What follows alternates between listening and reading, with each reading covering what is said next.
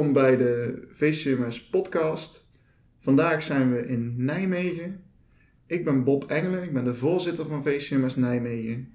En ik zit hier met Ruud van Hulst. Ik ben Ruud van Hulst, ik ben de penningmeester en vicevoorzitter van VCMS Nijmegen. Ja, en vandaag zitten we hier met dokter Misha Holla. Hij is orthopedisch chirurg en traumatoloog. En misschien kunt u daar zelf wat over vertellen. Ja, ik ben dus uh, Michel Holla, orthopedisch chirurg traumatoloog, zoals je al zei. Ik werk hier in het Radboud uh, ziekenhuis. En mijn aandachtsgebieden zijn eigenlijk dus uh, behandeling van gebroken botten en letsels van het steun- en bewegingsapparaat. maar ook van ja, de algehele opvang van traumapatiënten.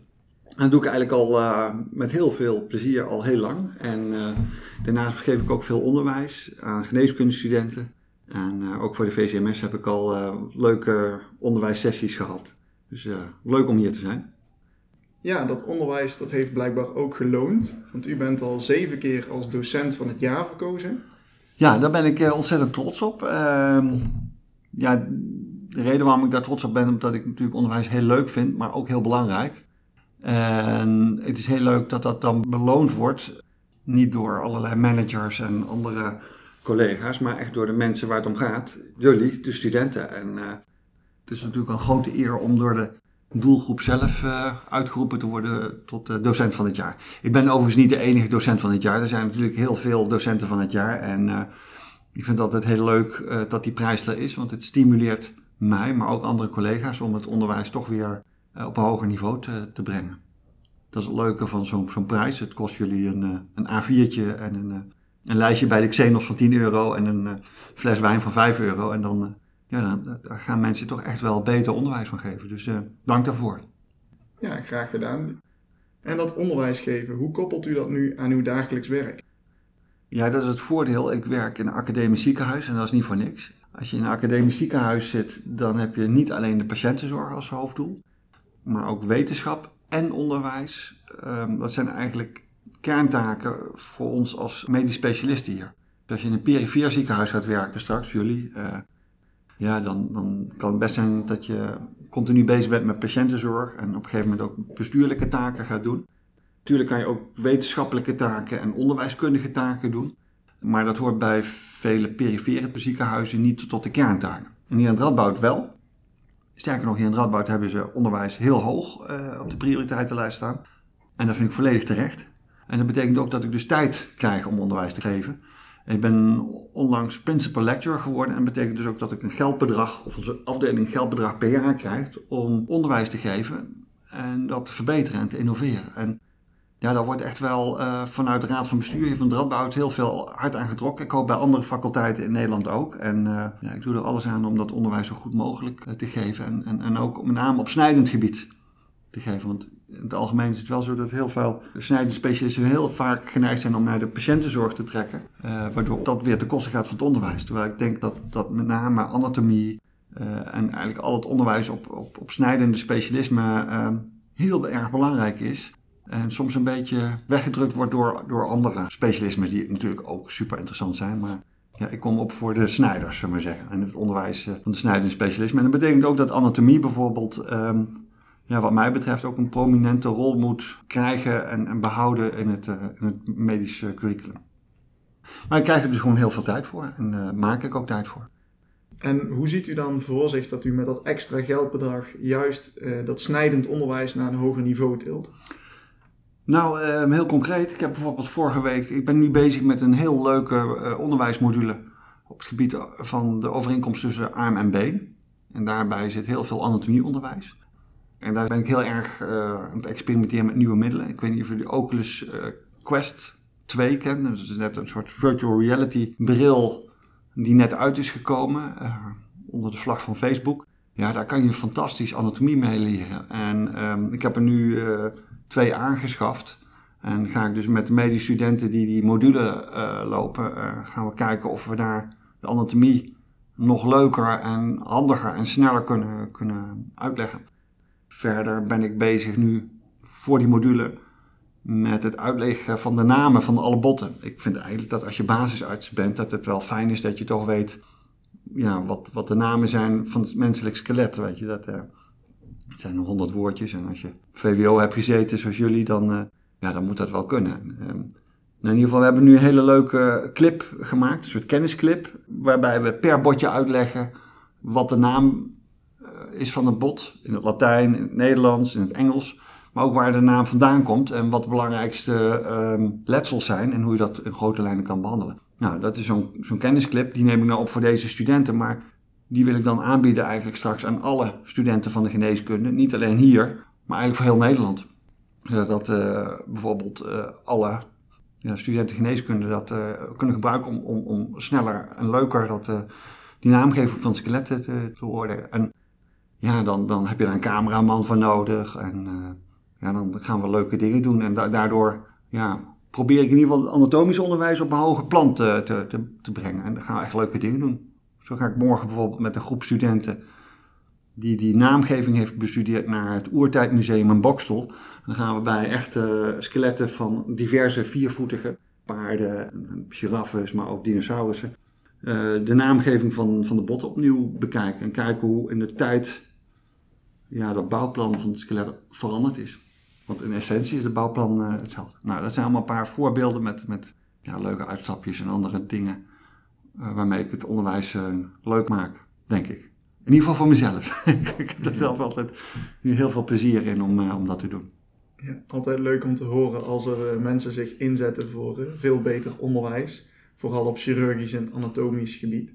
En als het dan wat misgaat met die botten en ze komen bij u op de trauma, hoe worden die patiënten dan opgevangen? Ja, het is wel leuk dat je het zo zegt. Hè? Dat, dat, dat, er dan zo'n bot binnenkomt. En uh, er komt dus inderdaad een patiënt binnen. Er zit nog iets aan vast. Dat is ook altijd uh, de, de, grap. Dat we dan, als je start als co-assistent, oh, dat is een botbreuk. Nee, dat is een patiënt met een botbreuk. Er zijn ook grappige filmpjes van There's a fracture, I need to fix it. Voor degenen die hem nog niet hebben gekeken, kijk even op YouTube. There's a fracture, I need to fix it. Dus als een patiënt binnenkomt met een botbreuk, dan... Ehm, is het meestal zo in Nederland dat het geïsoleerde letsels zijn. En daarmee bedoelen we dat, dat iemand één bot heeft gebroken. Pols gebroken of je enkel. Nou, dat zijn meestal enkelvoudige botbreuken die relatief eenvoudig te behandelen zijn. Die worden in Nederland als eerste gezien door de, ja, als het eigenlijk onduidelijk is of het een botbreuk is, eerst door de huisarts. De huisarts verwijst dan meestal door naar of de radioloog voor een röntgenfoto. En als de radioloog dan een fractuur ziet, dan wordt zo'n patiënt doorverwezen meestal in de meeste ziekenhuizen naar spoedeisende hulp. Is het een evidente fractuur, stel nou dat jij met skateboarden valt en je enkel staat er vierkant onder, nou, dan hoef je niet meer langs de huisartsenpost, dan kom je gelijk op de spoedeisende hulp en dan zie je eerst een spoedeisende hulparts. En die zal dan een röntgenfoto aanvragen en dan vrij snel iemand van de binnenste ring um, erbij halen. Iemand van de binnenste ring kan ik wel uitleggen, dat is meestal iemand van de traumachirurgie of de orthopedie.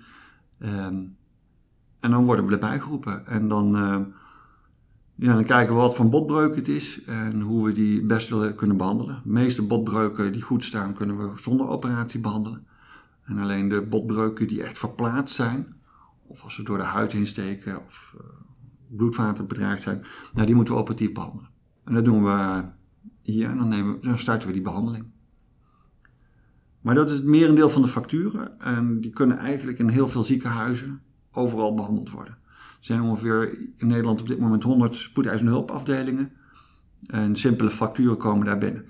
De reden waarom ik hier werk is omdat we een level 1 traumacentrum zijn.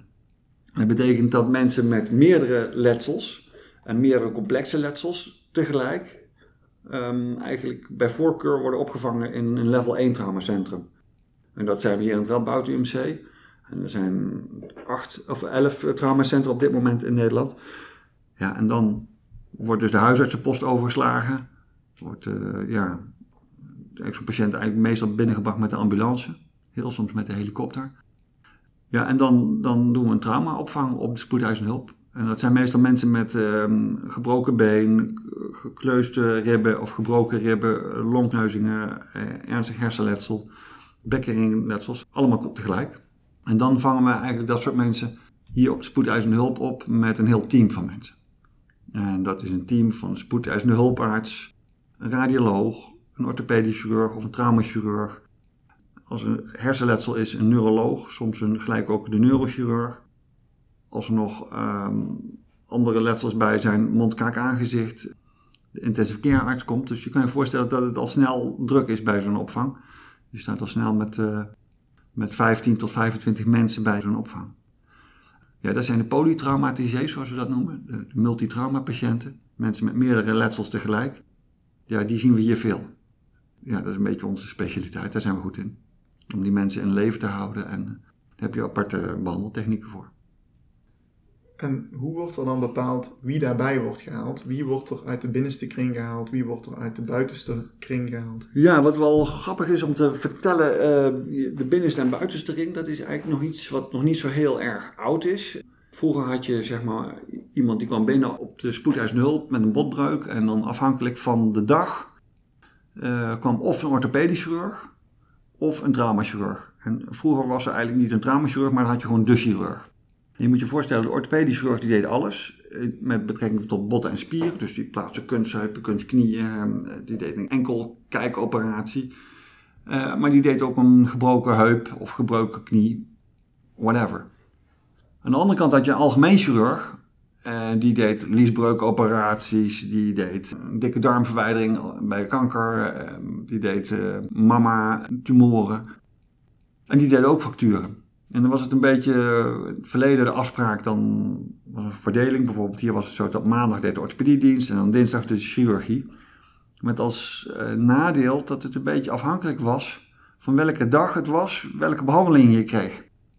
En ook de kwaliteit uh, van de behandeling die schommelde daar een beetje. Want soms had je dus gewoon iemand die een vaatchirurg was en dan dienst had voor de trauma. Ja, als je iets vaker doet, gaat het echt beter. En dat geldt ook voor de behandeling van botbreuken. En vandaar dat we in Nederland hebben gezegd van nou, uh, we hebben niet een algemeen chirurg, maar we hebben echt een traumachirurg. Die alleen maar botbreuken gaat behandelen. En we hebben orthopeden die niet alle aandoeningen van het bewegingsapparaat doen, maar alleen de fracturen en de luxaties van het bewegingsapparaat. En zo zie je een beetje een soort superspecialisatie. Dus vandaar dat ik orthopedisch chirurg traumatoloog ben. En vandaar dat we traumachirurg zijn. En we hebben nu hier in het Radboud afgesproken. En dat is eigenlijk een soort landelijke visie.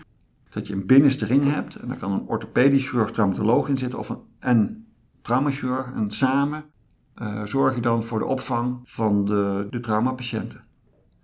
Dan heb je in de buitenste ring.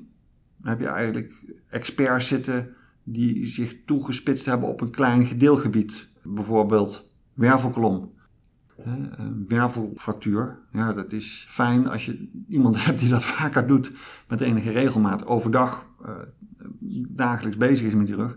Dus dan heb je iemand van het wervelkolom buitenste ring, expertisegroep.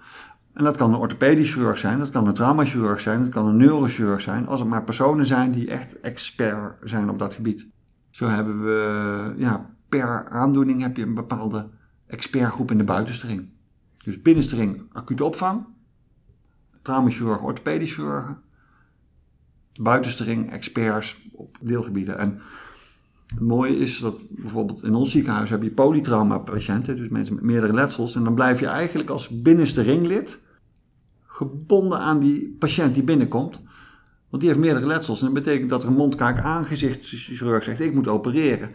Dan zegt er een neurochirurg, ik moet opereren. Dan zegt de plastisch chirurg, ik moet die duim terugzetten. En dan is het aan ons, als lid van die binnenste ring om, om die traumazorg te coördineren. En dan moet je zeggen, oké, neurochirurg, jij doet iets om die patiënt in leven te houden. Je hebt voorrang op, bij wijze van spreken, het letsel van de hand. Het is ook ernstig, maar dat is niet levensbedreigend. En ook in het traject na de, de eerste opvang is die lid van de binnenste ring eigenlijk een beetje de regisseur van de traumazorg voor die patiënt om te voorkomen dat, dat klinkt een beetje raar, dat je goed bedoeld in, in, in een vroeg stadium te veel doet. Dus je kan heel goed bedoeld iemand proberen beter te opereren, maar dat kan net te veel zijn.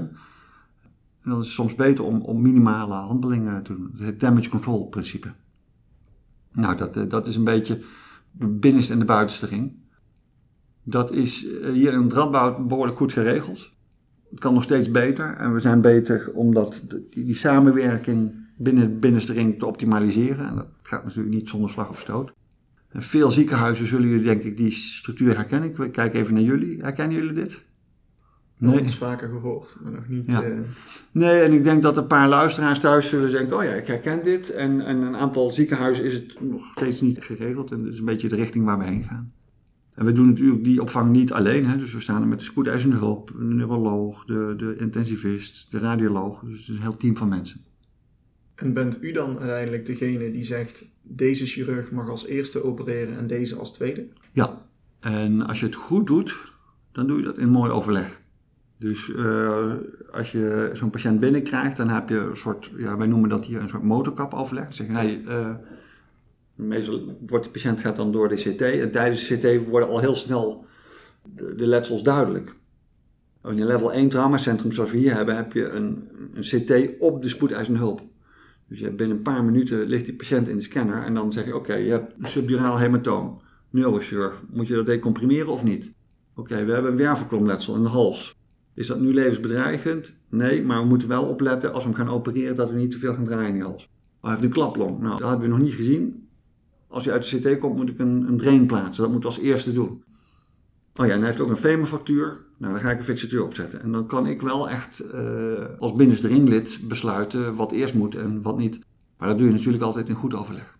En soms is het ook zo dat je besluit moet nemen om bijvoorbeeld de behandeling te stoppen als het kansloos is. En ook daarin eh, heb je als binnenste ringlid een, een, leidende rol, maar niet de beslissende rol. Soms ben je voorzitter van een vergadering en denk je, oh, de voorzitter bepaalt het beleid. Nee, als je goede voorzitter bent, dan weeg je alle eh, meningen van al die experts die aan tafel zitten. En dan zorg dat dat besluit collectief genomen wordt.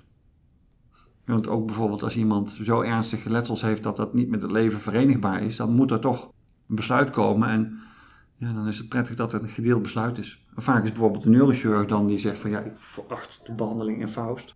En het is dan prettig als dat bekrachtigd wordt door een intensivist en een traumachirurg of een orthopedisch chirurg. En zo, zo maak je op, op die meest kritische momenten beslissingen. Doe je niet alleen, maar in een team. Je moet er wel een, een actief leidende rol in hebben. Met een korte ei. En hoe wordt er dan bepaald wat voor niveau arts daarbij betrokken wordt? Zijn dat altijd degenen die het beste zijn in hun vak? Of is dat soms ook een AJOS? Ja, dat is leuk eh, dat je dat vraagt. Hier in het eh, Radboud hebben we het zo geregeld dat we eigenlijk een, een knop hebben. Dus eh, iemand komt binnen met een bepaalde vooraankondiging. Nou, iemand is gevallen met de fiets, enkel gebroken. Dat doet eigenlijk de spoedeisende hulparts in eerste instantie. Samen met de radioloog is het gebroken. Dan komt iemand van de binnenste ring, een AJOS. En die overlegt dan meestal met een staflid vanuit de binnenste ring. En zo doe je die monotrauma's. Overigens, dat is de grootste meerderheid. Hè. Wat jullie dadelijk als co-assistent gaan zien, zijn dit soort letsels. Als je een level 1 traumacentrum hebt, ja, dan hebben we afspraken dat als iemand een vooraankondiging heeft, van ja, iemand is overreden door een tientonner, eh, en die heeft eh, twee open beenbreuken en ernstig hersenletsel, ja, dan, dan is er geen tijd om dan te bedenken wie erbij moet zijn. En je hebt ook geen tijd om iedereen te gaan bellen. Van nou, er komt dadelijk iemand aan. Zou je misschien naar de spoedeisende hulp kunnen komen? En oh ja, wel snel. Dan ga ik nu de neuroloog bellen. Dan ben je gewoon vijf minuten bezig. Dus we hebben één knop, die drukken we in. En dan komt eigenlijk is de afspraak dat je eigenlijk zonder te bellen gelijk iedereen van het team gelijk naar de SCH komt. En dat is dan bij een basistrauma- en non-ziekenhuis eh, de anesthesist met assistent anesthesie. Soms een AJOS anesthesie, soms een co-assistent anesthesie. De AJOS chirurgie, AJOS orthopedie, co-assistent en de stafleden die erbij horen. Dus dat is van tevoren eigenlijk bepaald. En dan hebben we een traumateam groot. Dan hebben we een neurotraumateam groot. En hebben we nog een kindertraumateam. Nou, dan is het helemaal druk. En dan is het soms zo druk. hè, Dan sta je daar met, wij spreken, komen 30 mensen in één keer opdraven binnen 5 minuten. En dan is het zo druk, dan moeten we keuzes maken. Als ik leider ben van de binnenste ring, zeg ik, het is te druk hier. En dan stuur ik eigenlijk mensen die niet essentieel zijn in het proces weg. En dat zijn bijvoorbeeld soms, ja, helaas wel medische studenten. Maar ik hoop dat jullie begrip voor hebben en begrijpen waarom dat is. Want als je met z'n dertigen in een ruimte staat en je moet snel een thoraxdrain inbrengen, ja, dan, dan heb je die tijd nodig en die ruimte nodig. En dan zeggen we wel eens van, goh, ik wil jullie vragen om in de koffiekamer te zitten. Daar hebben we een heel groot beeldscherm, dan kan je live meekijken. Die beelden worden niet opgenomen. dan kunnen de co-assistenten toch het, het onderwijsmoment uh, meepikken. En soms ga ik erbij zitten en ga ik uitleggen van, oh, nou, nou komt die en nou komt dat. Zo, zo, zo doen we die opvang. En u noemt net al hè, een onderwijsmoment tijdens een hectische situatie. Hoe is het onderwijs over het algemeen geregeld in deze drukke, hectische traumaopvang? Ja, uh, je wordt natuurlijk niet zomaar in die traumakamer gepositioneerd. Hè? Dus, dus wat jullie merken is dat je eigenlijk al tijdens je bachelorfase, als het goed is, een keertje op de SEH komt. Dan weet je al hoe die plek eruit ziet. Tijdens de kooschappen, nou dan loop je mee. Als je mazzel hebt, dan mag je op die traumakamer blijven staan. Pech hebt, dan is het druk en dan moet je het via de televisie volgen. En straks als jullie klaar zijn en uh, ja, ANIOS meestal zijn, artsassistent, niet een opleiding tot medisch specialist, ja, dan ga je toch meestal een cursus volgen. Bijvoorbeeld de Advanced Trauma Life Support, ATLS, is zo'n zo'n cursus die heel goed is om te volgen als je net uit de bank komt.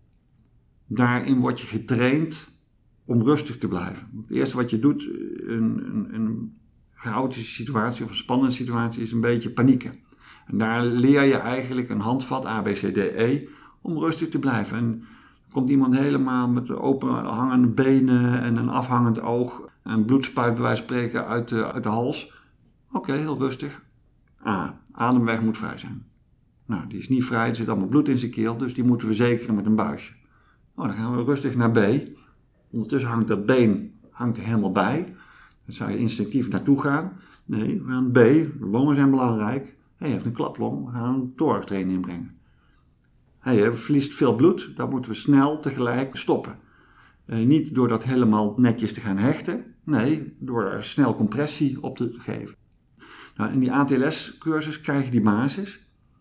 Uh, meestal is het fijn om in die periode, vind ik zelf ook, cursus te volgen die ik zelf toevallig heb georganiseerd. Dat heet Close Treatment of Fractures, of de, gesloten fractuurbehandeling op de spoedeisende hulp. Ehm, en dat is eigenlijk een cursus die ik gemaakt heb voor juist mensen die net zoals jullie dan dadelijk klaar zijn met kooschappen. En daar leer je eigenlijk uh, hoe je fracturen behandelt zonder operatie op de spoedeisende hulp.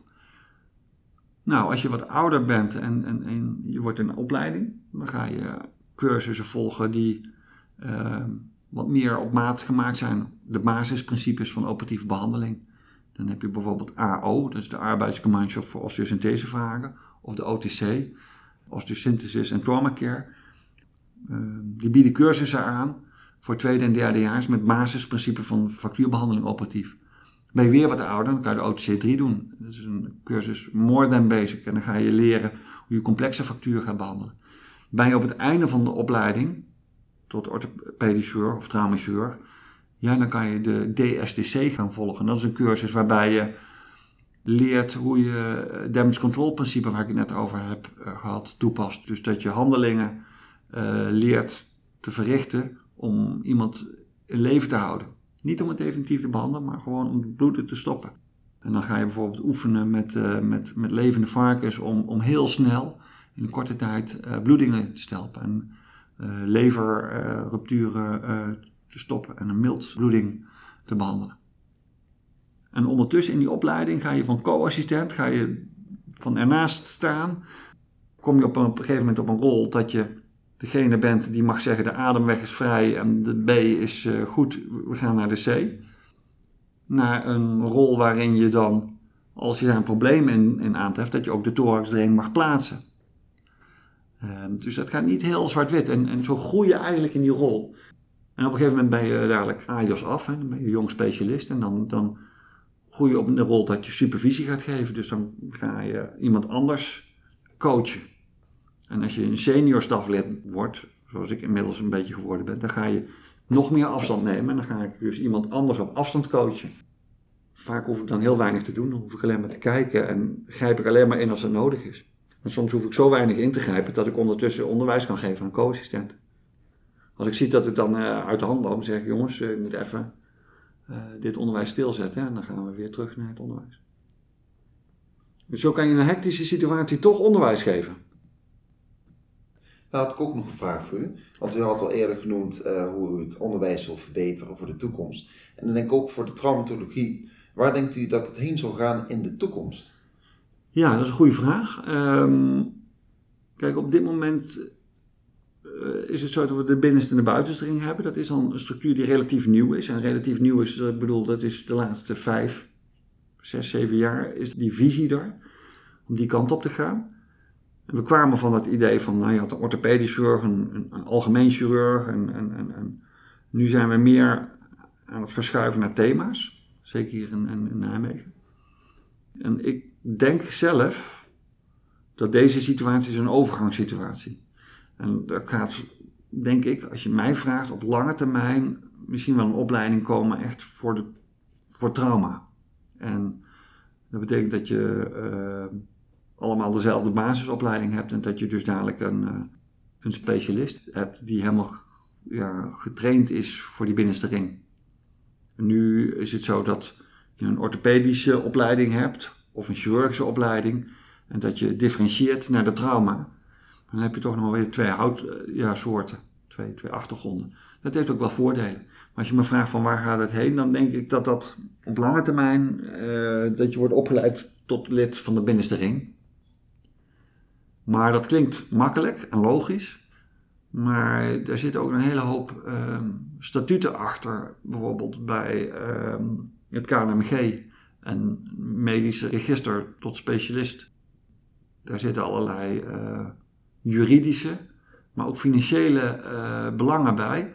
En ik heb geleerd uh, in de loop der tijd dat die belangen en die, die, die, die, die juridische aspecten verandering soms lastig maken en, en ook vertragen. En ik denk zelf dat op een gegeven moment als de financiële overwegingen wat minder belangrijk worden. En daarmee bedoel ik dus dat bijvoorbeeld meer medisch specialisten in loondienst gaan, dat dat de discussie niet in de weg zit. Dat, dat zie je niet als, als medisch student, als co-assistent, maar ja, sommige zorg is heel rendabel om te doen. Bijvoorbeeld de traumatologie en de acute eerste hulp is in een aantal gevallen heel rendabel. En het kan best zijn dat afdelingshoofden dat niet willen afstaan, omdat dat uh, natuurlijk een, een moneymaker is. En bleeders, dus afdelingen waar, waar je geld bij toe moet leggen, die zijn minder interessant. Dus dat zijn dingen die, die verstoren eigenlijk de inhoudelijke discussie. En, en, waar ik in ieder geval wil op voorkomen is voor de beste traumazorg. Ik wil dat, dat als mijn moeder binnenkomt, of, of jullie oom of je vader, dat hij gewoon de beste, beste zorg krijgt. En, en maakt niet uit welke achtergrond hij heeft, als die persoon maar de beste kennis en kunde heeft, en bekwaam is om, en bevoegd is om, om die behandeling toe te passen. En, en dat zal in de toekomst eigenlijk leidend moeten zijn. En ik hoop dat, dat, uh, dat andere uh, sentimenten en financiële overwegingen op de achtergrond staan. Daarbij moet ik zeggen dat het overigens in Nederland, als ik om, vergelijk met andere landen, dat we eigenlijk al, al ver voorlopen. We hebben het echt heel goed voor elkaar hier in Nederland. Maar het kan nog beter. Dan heb ik nog een laatste vraag voor u. Wat is nou een uh, bijzonder verhaal dat u is bijgebleven uit uw carrière? Ja, dat zijn er natuurlijk heel veel.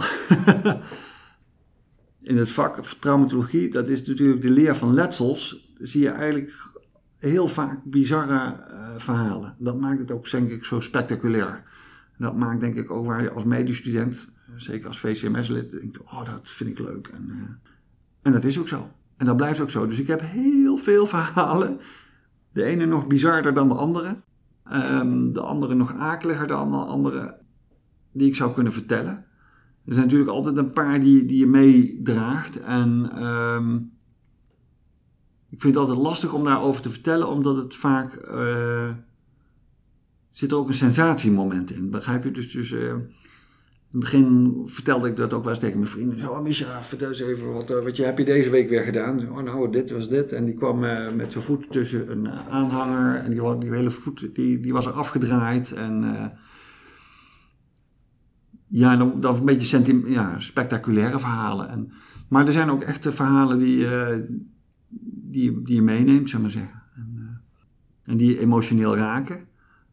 Ik weet dat een collega van mij die zegt op het moment dat het je niet raakt, ja, dan, dan, dan ben je niet geschikt. Dit is natuurlijk zijn heftige verhalen die, uh, die moeten je raken, zullen we zeggen. Hè, dus op het moment dat de vader zijn kind overrijdt en uh, heeft een ernstig open schedelletsel, ja, dan, dan doet dat iets met je. En als het niets met je doet, dan ben je ook niet geschikt als trauma-specialist, denk ik.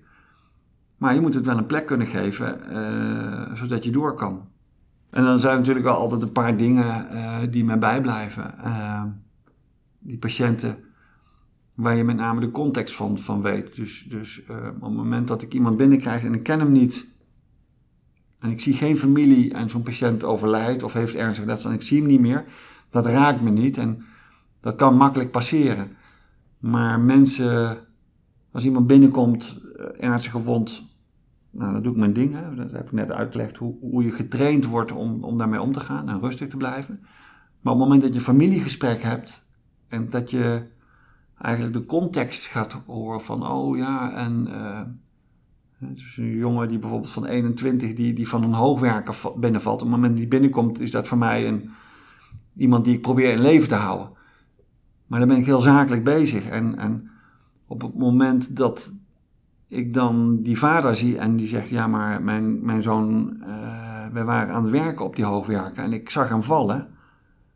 En we hebben samen dat bedrijf. Hij kan niet doodgaan, want hij moet zo naar huis om te eten.